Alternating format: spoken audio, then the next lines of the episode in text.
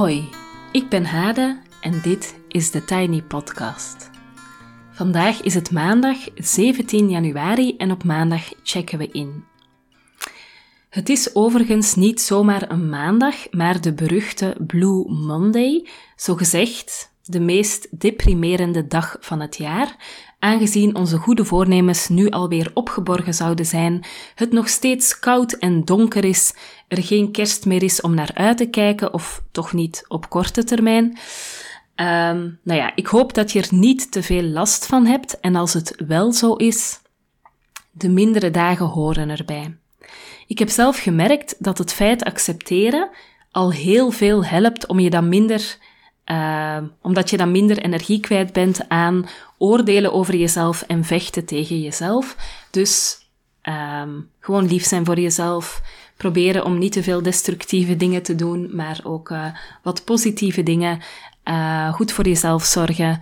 Uh, niet te veel druk op jezelf leggen als dingen niet lukken, maar gewoon even wat anders gaan doen. Lijken mij allemaal goede strategieën voor deze Blue Monday en voor de mindere dagen in het algemeen. Op maandag checken we even in met elkaar. Uh, en dat gaat als volgt. Ik stel een vraag, soms twee, en ik zwijg dan een volle minuut. Is altijd heel moeilijk om jullie de ruimte te geven de vraag even in je uh, op te nemen, op je in te laten werken. En je kan de podcast op pauze zetten om dan schrijvend bijvoorbeeld in te checken of mijmerend. Uh, je kan ook gewoon die minuut afwachten en dan luisteren naar wat ik daarna ga vertellen, want na die stille minuut uh, check ik ook even in bij jullie. De vraag van vandaag is er eentje met wat uitleg. Uh, het zijn er twee en ze hangen ook samen. De vraag is: ben jij een segmenteerder of een integreerder? Ik ga dadelijk uitleggen wat dat is. En de tweede vraag is: wat betekent dat voor wat jij nodig hebt? Voilà, ik leg de begrippen even uit. Deze begrippen ontleen ik aan het werk van Tanja van der Lippe. Um, en dat is de auteur van het boek Waar blijft mijn tijd? Um, ik heb het boek hier in mijn hand. Uh, ik zie dat ze hoogleraar sociologie is aan de Universiteit van Utrecht en voorzitter van de Sociaal-Wetenschappelijke Raad. En ze geldt als autoriteit op het terrein van tijdsbesteding en tijdsdruk op het werk en thuis. Voilà. En zij heeft dus die twee begrippen, segmenteerder en integreerder, in haar boek vooropgesteld. Um, ze geeft aan dat mensen op een verschillende manier omgaan met de grenzen tussen werk en privé. Um, en ik wil bij deze ook heel even heel duidelijk zeggen dat ik werk hier ruim opvat. Um, het kan voor mij ook het kan voor mij klassiek betaalde arbeid zijn. Het kan werk zijn dat je als zelfstandige doet. Maar het kan bijvoorbeeld ook vrijwilligerswerk zijn. Zorgwerk, bijvoorbeeld als mantelzorger. Uh, of ouder, um, huishoudelijk werk enzovoort. Maar dus die grenzen tussen werk en privé. Uh, sommige mensen zijn dus een integreerder en dat betekent dat werk en privé bij die mensen heel erg door elkaar heen lopen. Ze schakelen tussen hun verschillende rollen en beantwoorden bijvoorbeeld vlotjes hun werkmail in de carwash of in de pauze van een film. Stel je voor, filmavond met het gezin. Uh, de film gaat even op pauze en uh, buiten het feit dat er even wat drankjes en chipjes worden gehaald, uh, wordt er snel ook even een, een werkmailtje afgehandeld. Of ze werken zonder veel moeite aan de keukentafel en klappen net zo makkelijk hun pc weer toe om een spelletje met hun kinderen te gaan spelen. Segmenteerders houden de domeinen gescheiden. Uh, dat zijn mensen die moeilijker schakelen tussen werk en andere dingen en uh, laten het werk liefst op het werk en houden liefst thuis thuis. Wat betekent dat ze bijvoorbeeld uh, niet, dat geldt niet voor iedereen, hè, maar dat ze bijvoorbeeld ook niet zoveel over hun privéleven vertellen op het werk integreerders, dus de mensen die die grenzen heel fluide houden, die ervaren veel minder tijdsdruk en zullen tijdens de coronatijd, waar plots alles door elkaar ging lopen en thuiswerken de norm werd in de mate van het mogelijke, die zullen het makkelijker gehad hebben om dan aan die keukentafel met de kinderen erbij thuisonderwijs en gewoon werk uh, te zitten combineren met het huishouden en met alles wat er uh, te combineren was. Maar Integreerders zijn nooit klaar. Ze nemen zelden echt afstand uh, en het is zelden gewoon uh, zeg maar echt afgegrensd. Segmenteerders houden alles meer gescheiden, hebben een veel duidelijker ritme. werktijd is werktijd, dat is meestal op vaste momenten, vaste plek. Ehm, duidelijk een eindmoment ook. Ehm, dus uh, die segmenteerders, die het dus in segmenten opdelen hun leven, die zijn op een bepaald moment echt klaar met werk en dan ook vaak niet bereikbaar of beschikbaar uh, voor hun werk. Um, het kan ook conflicten opleveren als je van elkaar of als je bijvoorbeeld een integreerder bent en je begrijpt niet goed dat andere mensen segmenteerders zijn en het heel vervelend vinden als je bijvoorbeeld uh, na vijf uur of na zes uur nog appt of een mailtje stuurt. Uh, daar kunnen mensen soms heel gepikeerd op reageren, terwijl ik soms denk, je hoeft daar niet op te antwoorden, je kan dat gewoon tot de volgende dag laten liggen. Uh, maar heel veel misverstanden tussen mensen en ook tussen partners bijvoorbeeld hebben hiermee te maken. Omdat je, als je zelf een integreerder bent of net een segmenteerder, dat je daar dan van uitgaat dat andere mensen dat ook zijn, terwijl dat voor hen net heel anders kan uh, zijn en voelen. Anyway, um, ik herhaal de vraag nog een keer, want nu ben ik helemaal uh, opgegaan in een uitleg over segmenteren en integreren. Uh, maar de vragen voor vandaag zijn: ben jij een integreerder of een segmenteerder? En ik wil daarbij ook zeggen, je bent waarschijnlijk nooit extreem het ene of extreem het andere, maar wat is jouw neiging? Uh, en wat betekent dat voor wat jij nodig hebt? Dus hoe kan jij je leven dan best inrichten? Wat moet je dan zeker hebben om je goed te voelen en goed te kunnen functioneren? Voilà, ik ga nu een volle minuut zwijgen en daarna ga ik vertellen of ik zelf een integreerder of een segmenteerder ben, hoe ik dat weet en wat ik daarbij nodig heb. Tot zo!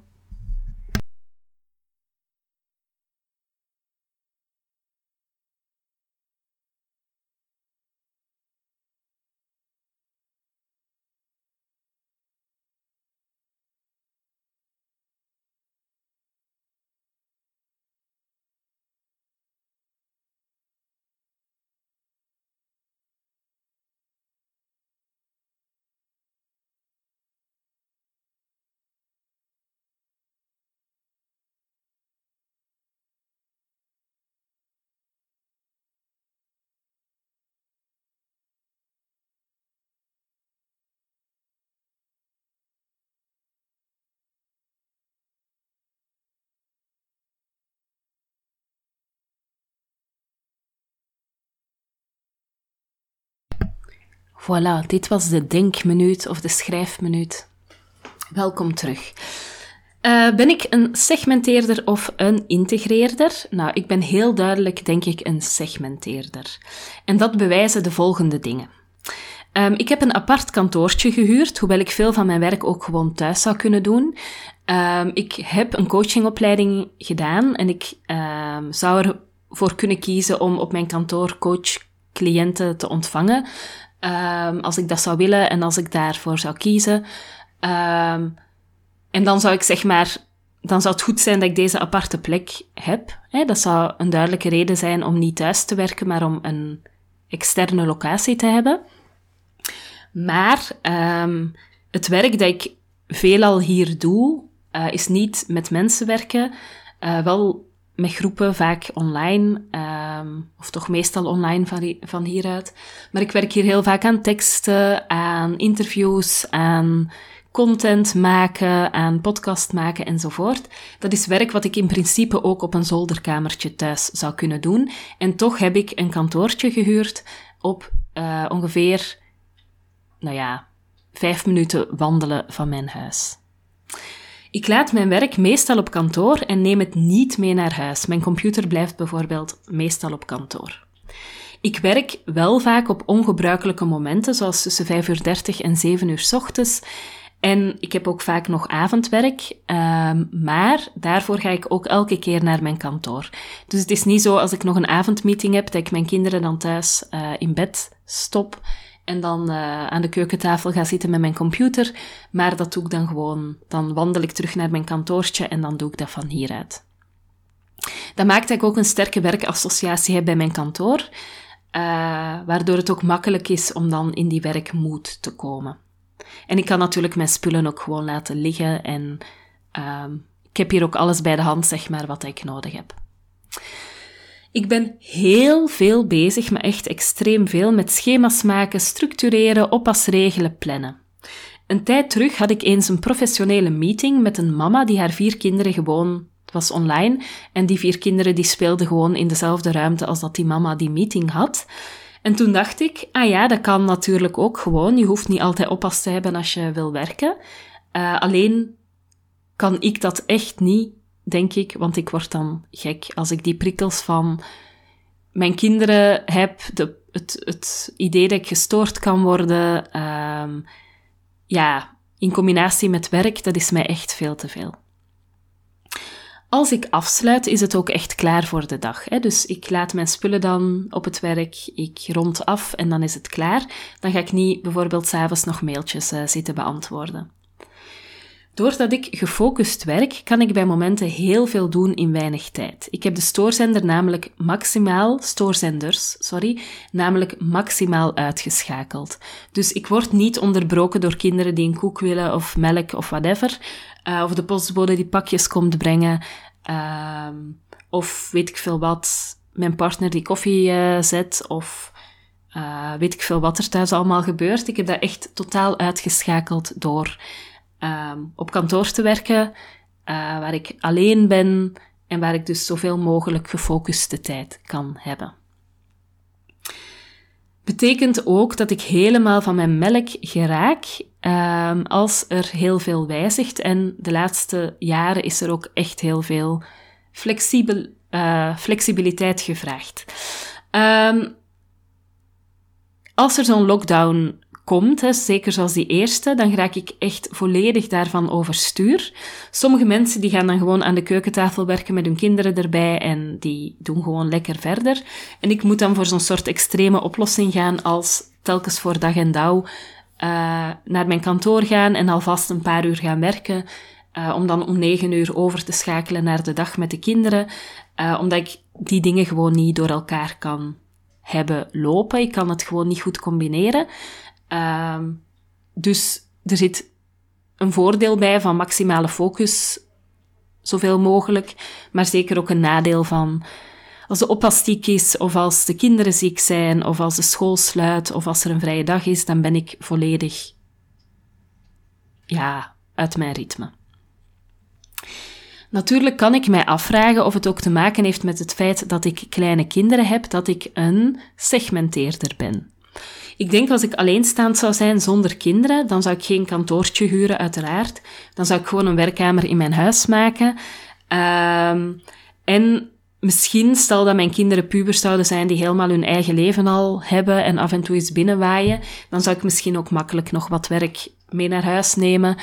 Uh, om het daar aan de keukentafel te gaan doen. Maar mijn jongste kinderen zijn op dit moment 3,5 en ik kan, ja, ik kan zeker nog niet integreren, zeg maar.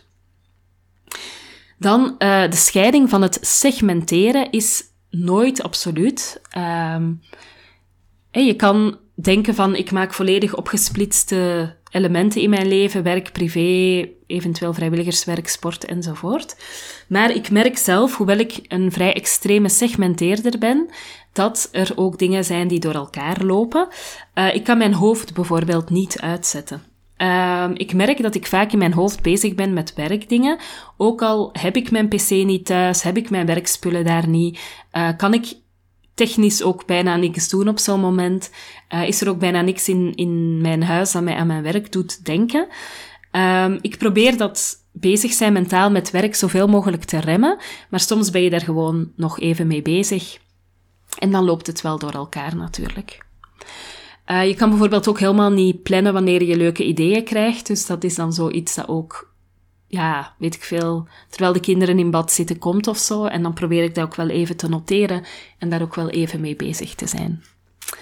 Dan een ander element, administratie en regeldingen neem ik wel mee naar kantoor, ook al betreft het vaak privé. Bijvoorbeeld dingen rond rekeningen betalen, kinderopvang of de week plannen, waar heel veel ook oppas uh, in zit. Uh, plannen wat we gaan eten, wie wanneer kookt enzovoort. Dat soort dingen doe ik in mijn kantoortje, waar ik het meeste mentale ruimte heb daarvoor. En soms word ik ook wel boos van het idee dat ik op kantoor dan allemaal thuis dingen zit te regelen en dat mijn werktijd op die manier besmet is. Ik heb ook vaak moeite met het idee dat ik ook in mijn werkdag tijd zou moeten vinden om te sporten, bijvoorbeeld. Ik heb echt het idee dat Pieter en de kinderen een soort van rekening bijhouden, maar misschien zit dat wel alleen maar in mijn hoofd, hoewel ik denk van niet, uh, hoe vaak ik weg ben. Het, is, het lijkt alsof het normaler is dat een man weg is om te werken, dat hij dat daar ook weinig voor moet regelen of zo. Maar dat ik weg ben, ook vaak avondwerk, dat, dat heeft toch een andere lading, alsof de verwachting eigenlijk is dat ik, dat ik de zorgtaken opneem, dat ik, dat ik thuis ben en dat ik dan een soort van afwijkend ben omdat ik toch ga werken. Um, terwijl ik denk, mijn afwezigheid is natuurlijk ook legitiem, want ik ga gewoon werken. Dus niet dat ik een beetje, weet ik veel wat, een beetje ga lopen, niks doen. Terwijl ik ook denk, als ik dat zou willen, zou dat natuurlijk ook gewoon mogen. Anyway, um, dat is een thema waar ik ook heel kwaad van word. Hè. Zo voelen van als je de deur uitgaat, dat dan altijd gevraagd wordt: hoe laat ben je thuis? Uh, of als je wil sporten, dat je dan altijd een oppas zit te regelen. Terwijl mannen heel vaak gewoon de deur uitgaan en denken: die vrouw vangt het wel gewoon weer op. Anyway, uh, ik voel dus soms een soort van schuld omdat ik dan weg ben om te gaan werken. Uh, zeker ook als het s'avonds is, dan kunnen mijn kinderen ook echt doen van moet je nu weer weg? Terwijl ik denk, ja, het is gewoon, dat hoort gewoon bij mijn werk. En ik ben op woensdagmiddag thuis. Ik stop op maandag vaak al om drie uur. Uh, ik, ben, ik probeer dinsdag, donderdag en vrijdag ook altijd om vijf uur te stoppen. Dus in die zin denk ik dat ze het ook niet, niet zo slecht hebben. Maar er zit wel echt een lading op het feit dat ik dan weg ben. Ik probeer natuurlijk mijn afwezigheid te beperken tot bijvoorbeeld twee avonden per week. En ik plan mijn activiteiten liefst na kinderbedtijd. Dus avondactiviteiten beginnen vaak om half negen. Uh, maar dat maakt extra de deur uitgaan voor bijvoorbeeld sporten of iets voor mijzelf, maakt dat echt nog complex. want ik ben dan al zo gezegd twee avonden per week weg. En als ik dan ook nog wegga om, om te sporten, naar de yoga, whatever, dan ben ik nog meer weg. En dan krijg ik zo van die commentaren van je bent er nooit, uh, ben je er nu weer niet, enzovoort. Um, ik heb een hele tijd geprobeerd om dan zo tijdens de lunch een yogasessie mee te pikken, tot ik echt merkte dat ik er knetter van werd dat ik tussen 9 en 5 niet alleen mijn werk moest doen, maar ook nog mijn zelfzorgactiviteiten, zoals sport, bewegen enzovoort. Dus daar ben ik mee gestopt. Um, maar ik heb daar nog steeds geen perfect evenwicht in gevonden. De tweede vraag was wat ik nodig heb aangezien ik een segmenteerder ben. Um, en ik denk dat ik van de dingen die ik nodig heb mezelf al veel heb gegeven en die heb ik ook daarnet wel al genoemd. Ik heb een aparte werkplek, ik heb veel structuur, duidelijke planningen, een geluidswerende koptelefoon om bijvoorbeeld heel erg in die focus te kunnen werken en ik schakel afleidingen doorheen de dag, uh, zoals sporten of ook sociale dingen, zoveel mogelijk uit.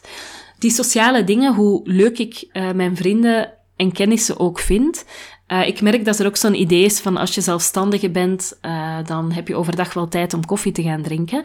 Nu, af en toe kan ik daar wel tijd voor maken, maar het is natuurlijk niet zo vanzelfsprekend dat ik hier ben en dat uh, wat vaak gebeurt, dat dan mensen die voorbij fietsen en die mij kennen, dan voor het raam wilt gaan zwaaien, terwijl ik bijvoorbeeld in een meeting ben, met de verwachting dat ik dan lekker mee koffie ga drinken of dat ik hen binnenvraag voor koffie of thee. Um, hoe leuk en aardig ik dat ook vind, mijn dagen zijn wel heel erg vol en gestructureerd. En als ik dan toch zoiets doe, dan moet ik dat vaak uh, ook bekopen door langer door te werken, bijvoorbeeld. Voilà, dit was een uitgebreide check-in. Ik wil graag nog drie dingen uh, meegeven. Op 27 januari van 8 tot half 10 is er een online leesclub die ik host voor Femma Wereldvrouwen. Deze maand staat het boek The Power Notebooks centraal van Katie Royf. Ondanks de Engelse titel is het boek gewoon ook in het Nederlands verkrijgbaar onder dezelfde Engelse titel dus. En het boek is confronterend, troostend, goed doordacht, rauw, eerlijk. En het gaat over waarom en hoe sterke vrouwen hun eigen stem onderdrukken en Waarom dus? Ah ja, dat had ik al gezegd. Het boek bestaat uit ongeveer 250 bladzijden en leest heel vlot. Dus het is vandaag 17 januari, dat betekent nog 10 dagen voor de leesclub. Je zou prima, als je uh, morgen begint met lezen, um, kunnen aansluiten voor 27 januari. En ik zet de link voor het aanmelden in de uh, show notes. Op 17 februari, dus volgende maand, binnen exact een maand, van 20 tot 22 uur geef ik het webinar Stoppen met pleasen. Uh, pleasen is iets wat veel mensen doen en wat heel veel energie kost. En bewustwording rond pleasen is een eerste stap uh, om er ook iets aan te doen eigenlijk. Je bent van harte welkom in dit interactieve webinar om daarmee dus aan de slag te gaan. De link staat ook weer in de show notes. En last but not least, het moederschap. Zoals jullie weten heb ik kinderen. Hoewel ik verwacht had dat moeder zijn een soort van genadevolle, gelukzalige staat zou zijn die altijd vlot en makkelijk ging, heb ik de voorbije jaren stevig geworsteld met dat moederschap. Het was alsof ik niet bij die rol paste. Ik worstelde met gevoelens van overweldiging, angst, me ontoereikend voelen, heel veel overprikkeling, onvermogen, verlangen naar rust, slaap, voorspelbaarheid, tijd voor mezelf, ruimte voor mezelf en ook veel boosheid om mijn veranderde lijf, mijn vermoeidheid, het gevoel dat ik echt op korte tijd heel oud geworden ben uh, enzovoort. Ook heel veel gevoelens van schuld en schaamte. Uh, niet alleen omwille van het hebben van die andere gevoelens, maar ook omdat ik weet dat er veel mensen zijn die heel graag kinderen willen uh, en dat dat niet vanzelfsprekend is. En dat ik dan het geluk heb dat ik er wel heb en toch niet uh, onverdeeld gelukkig kan zijn.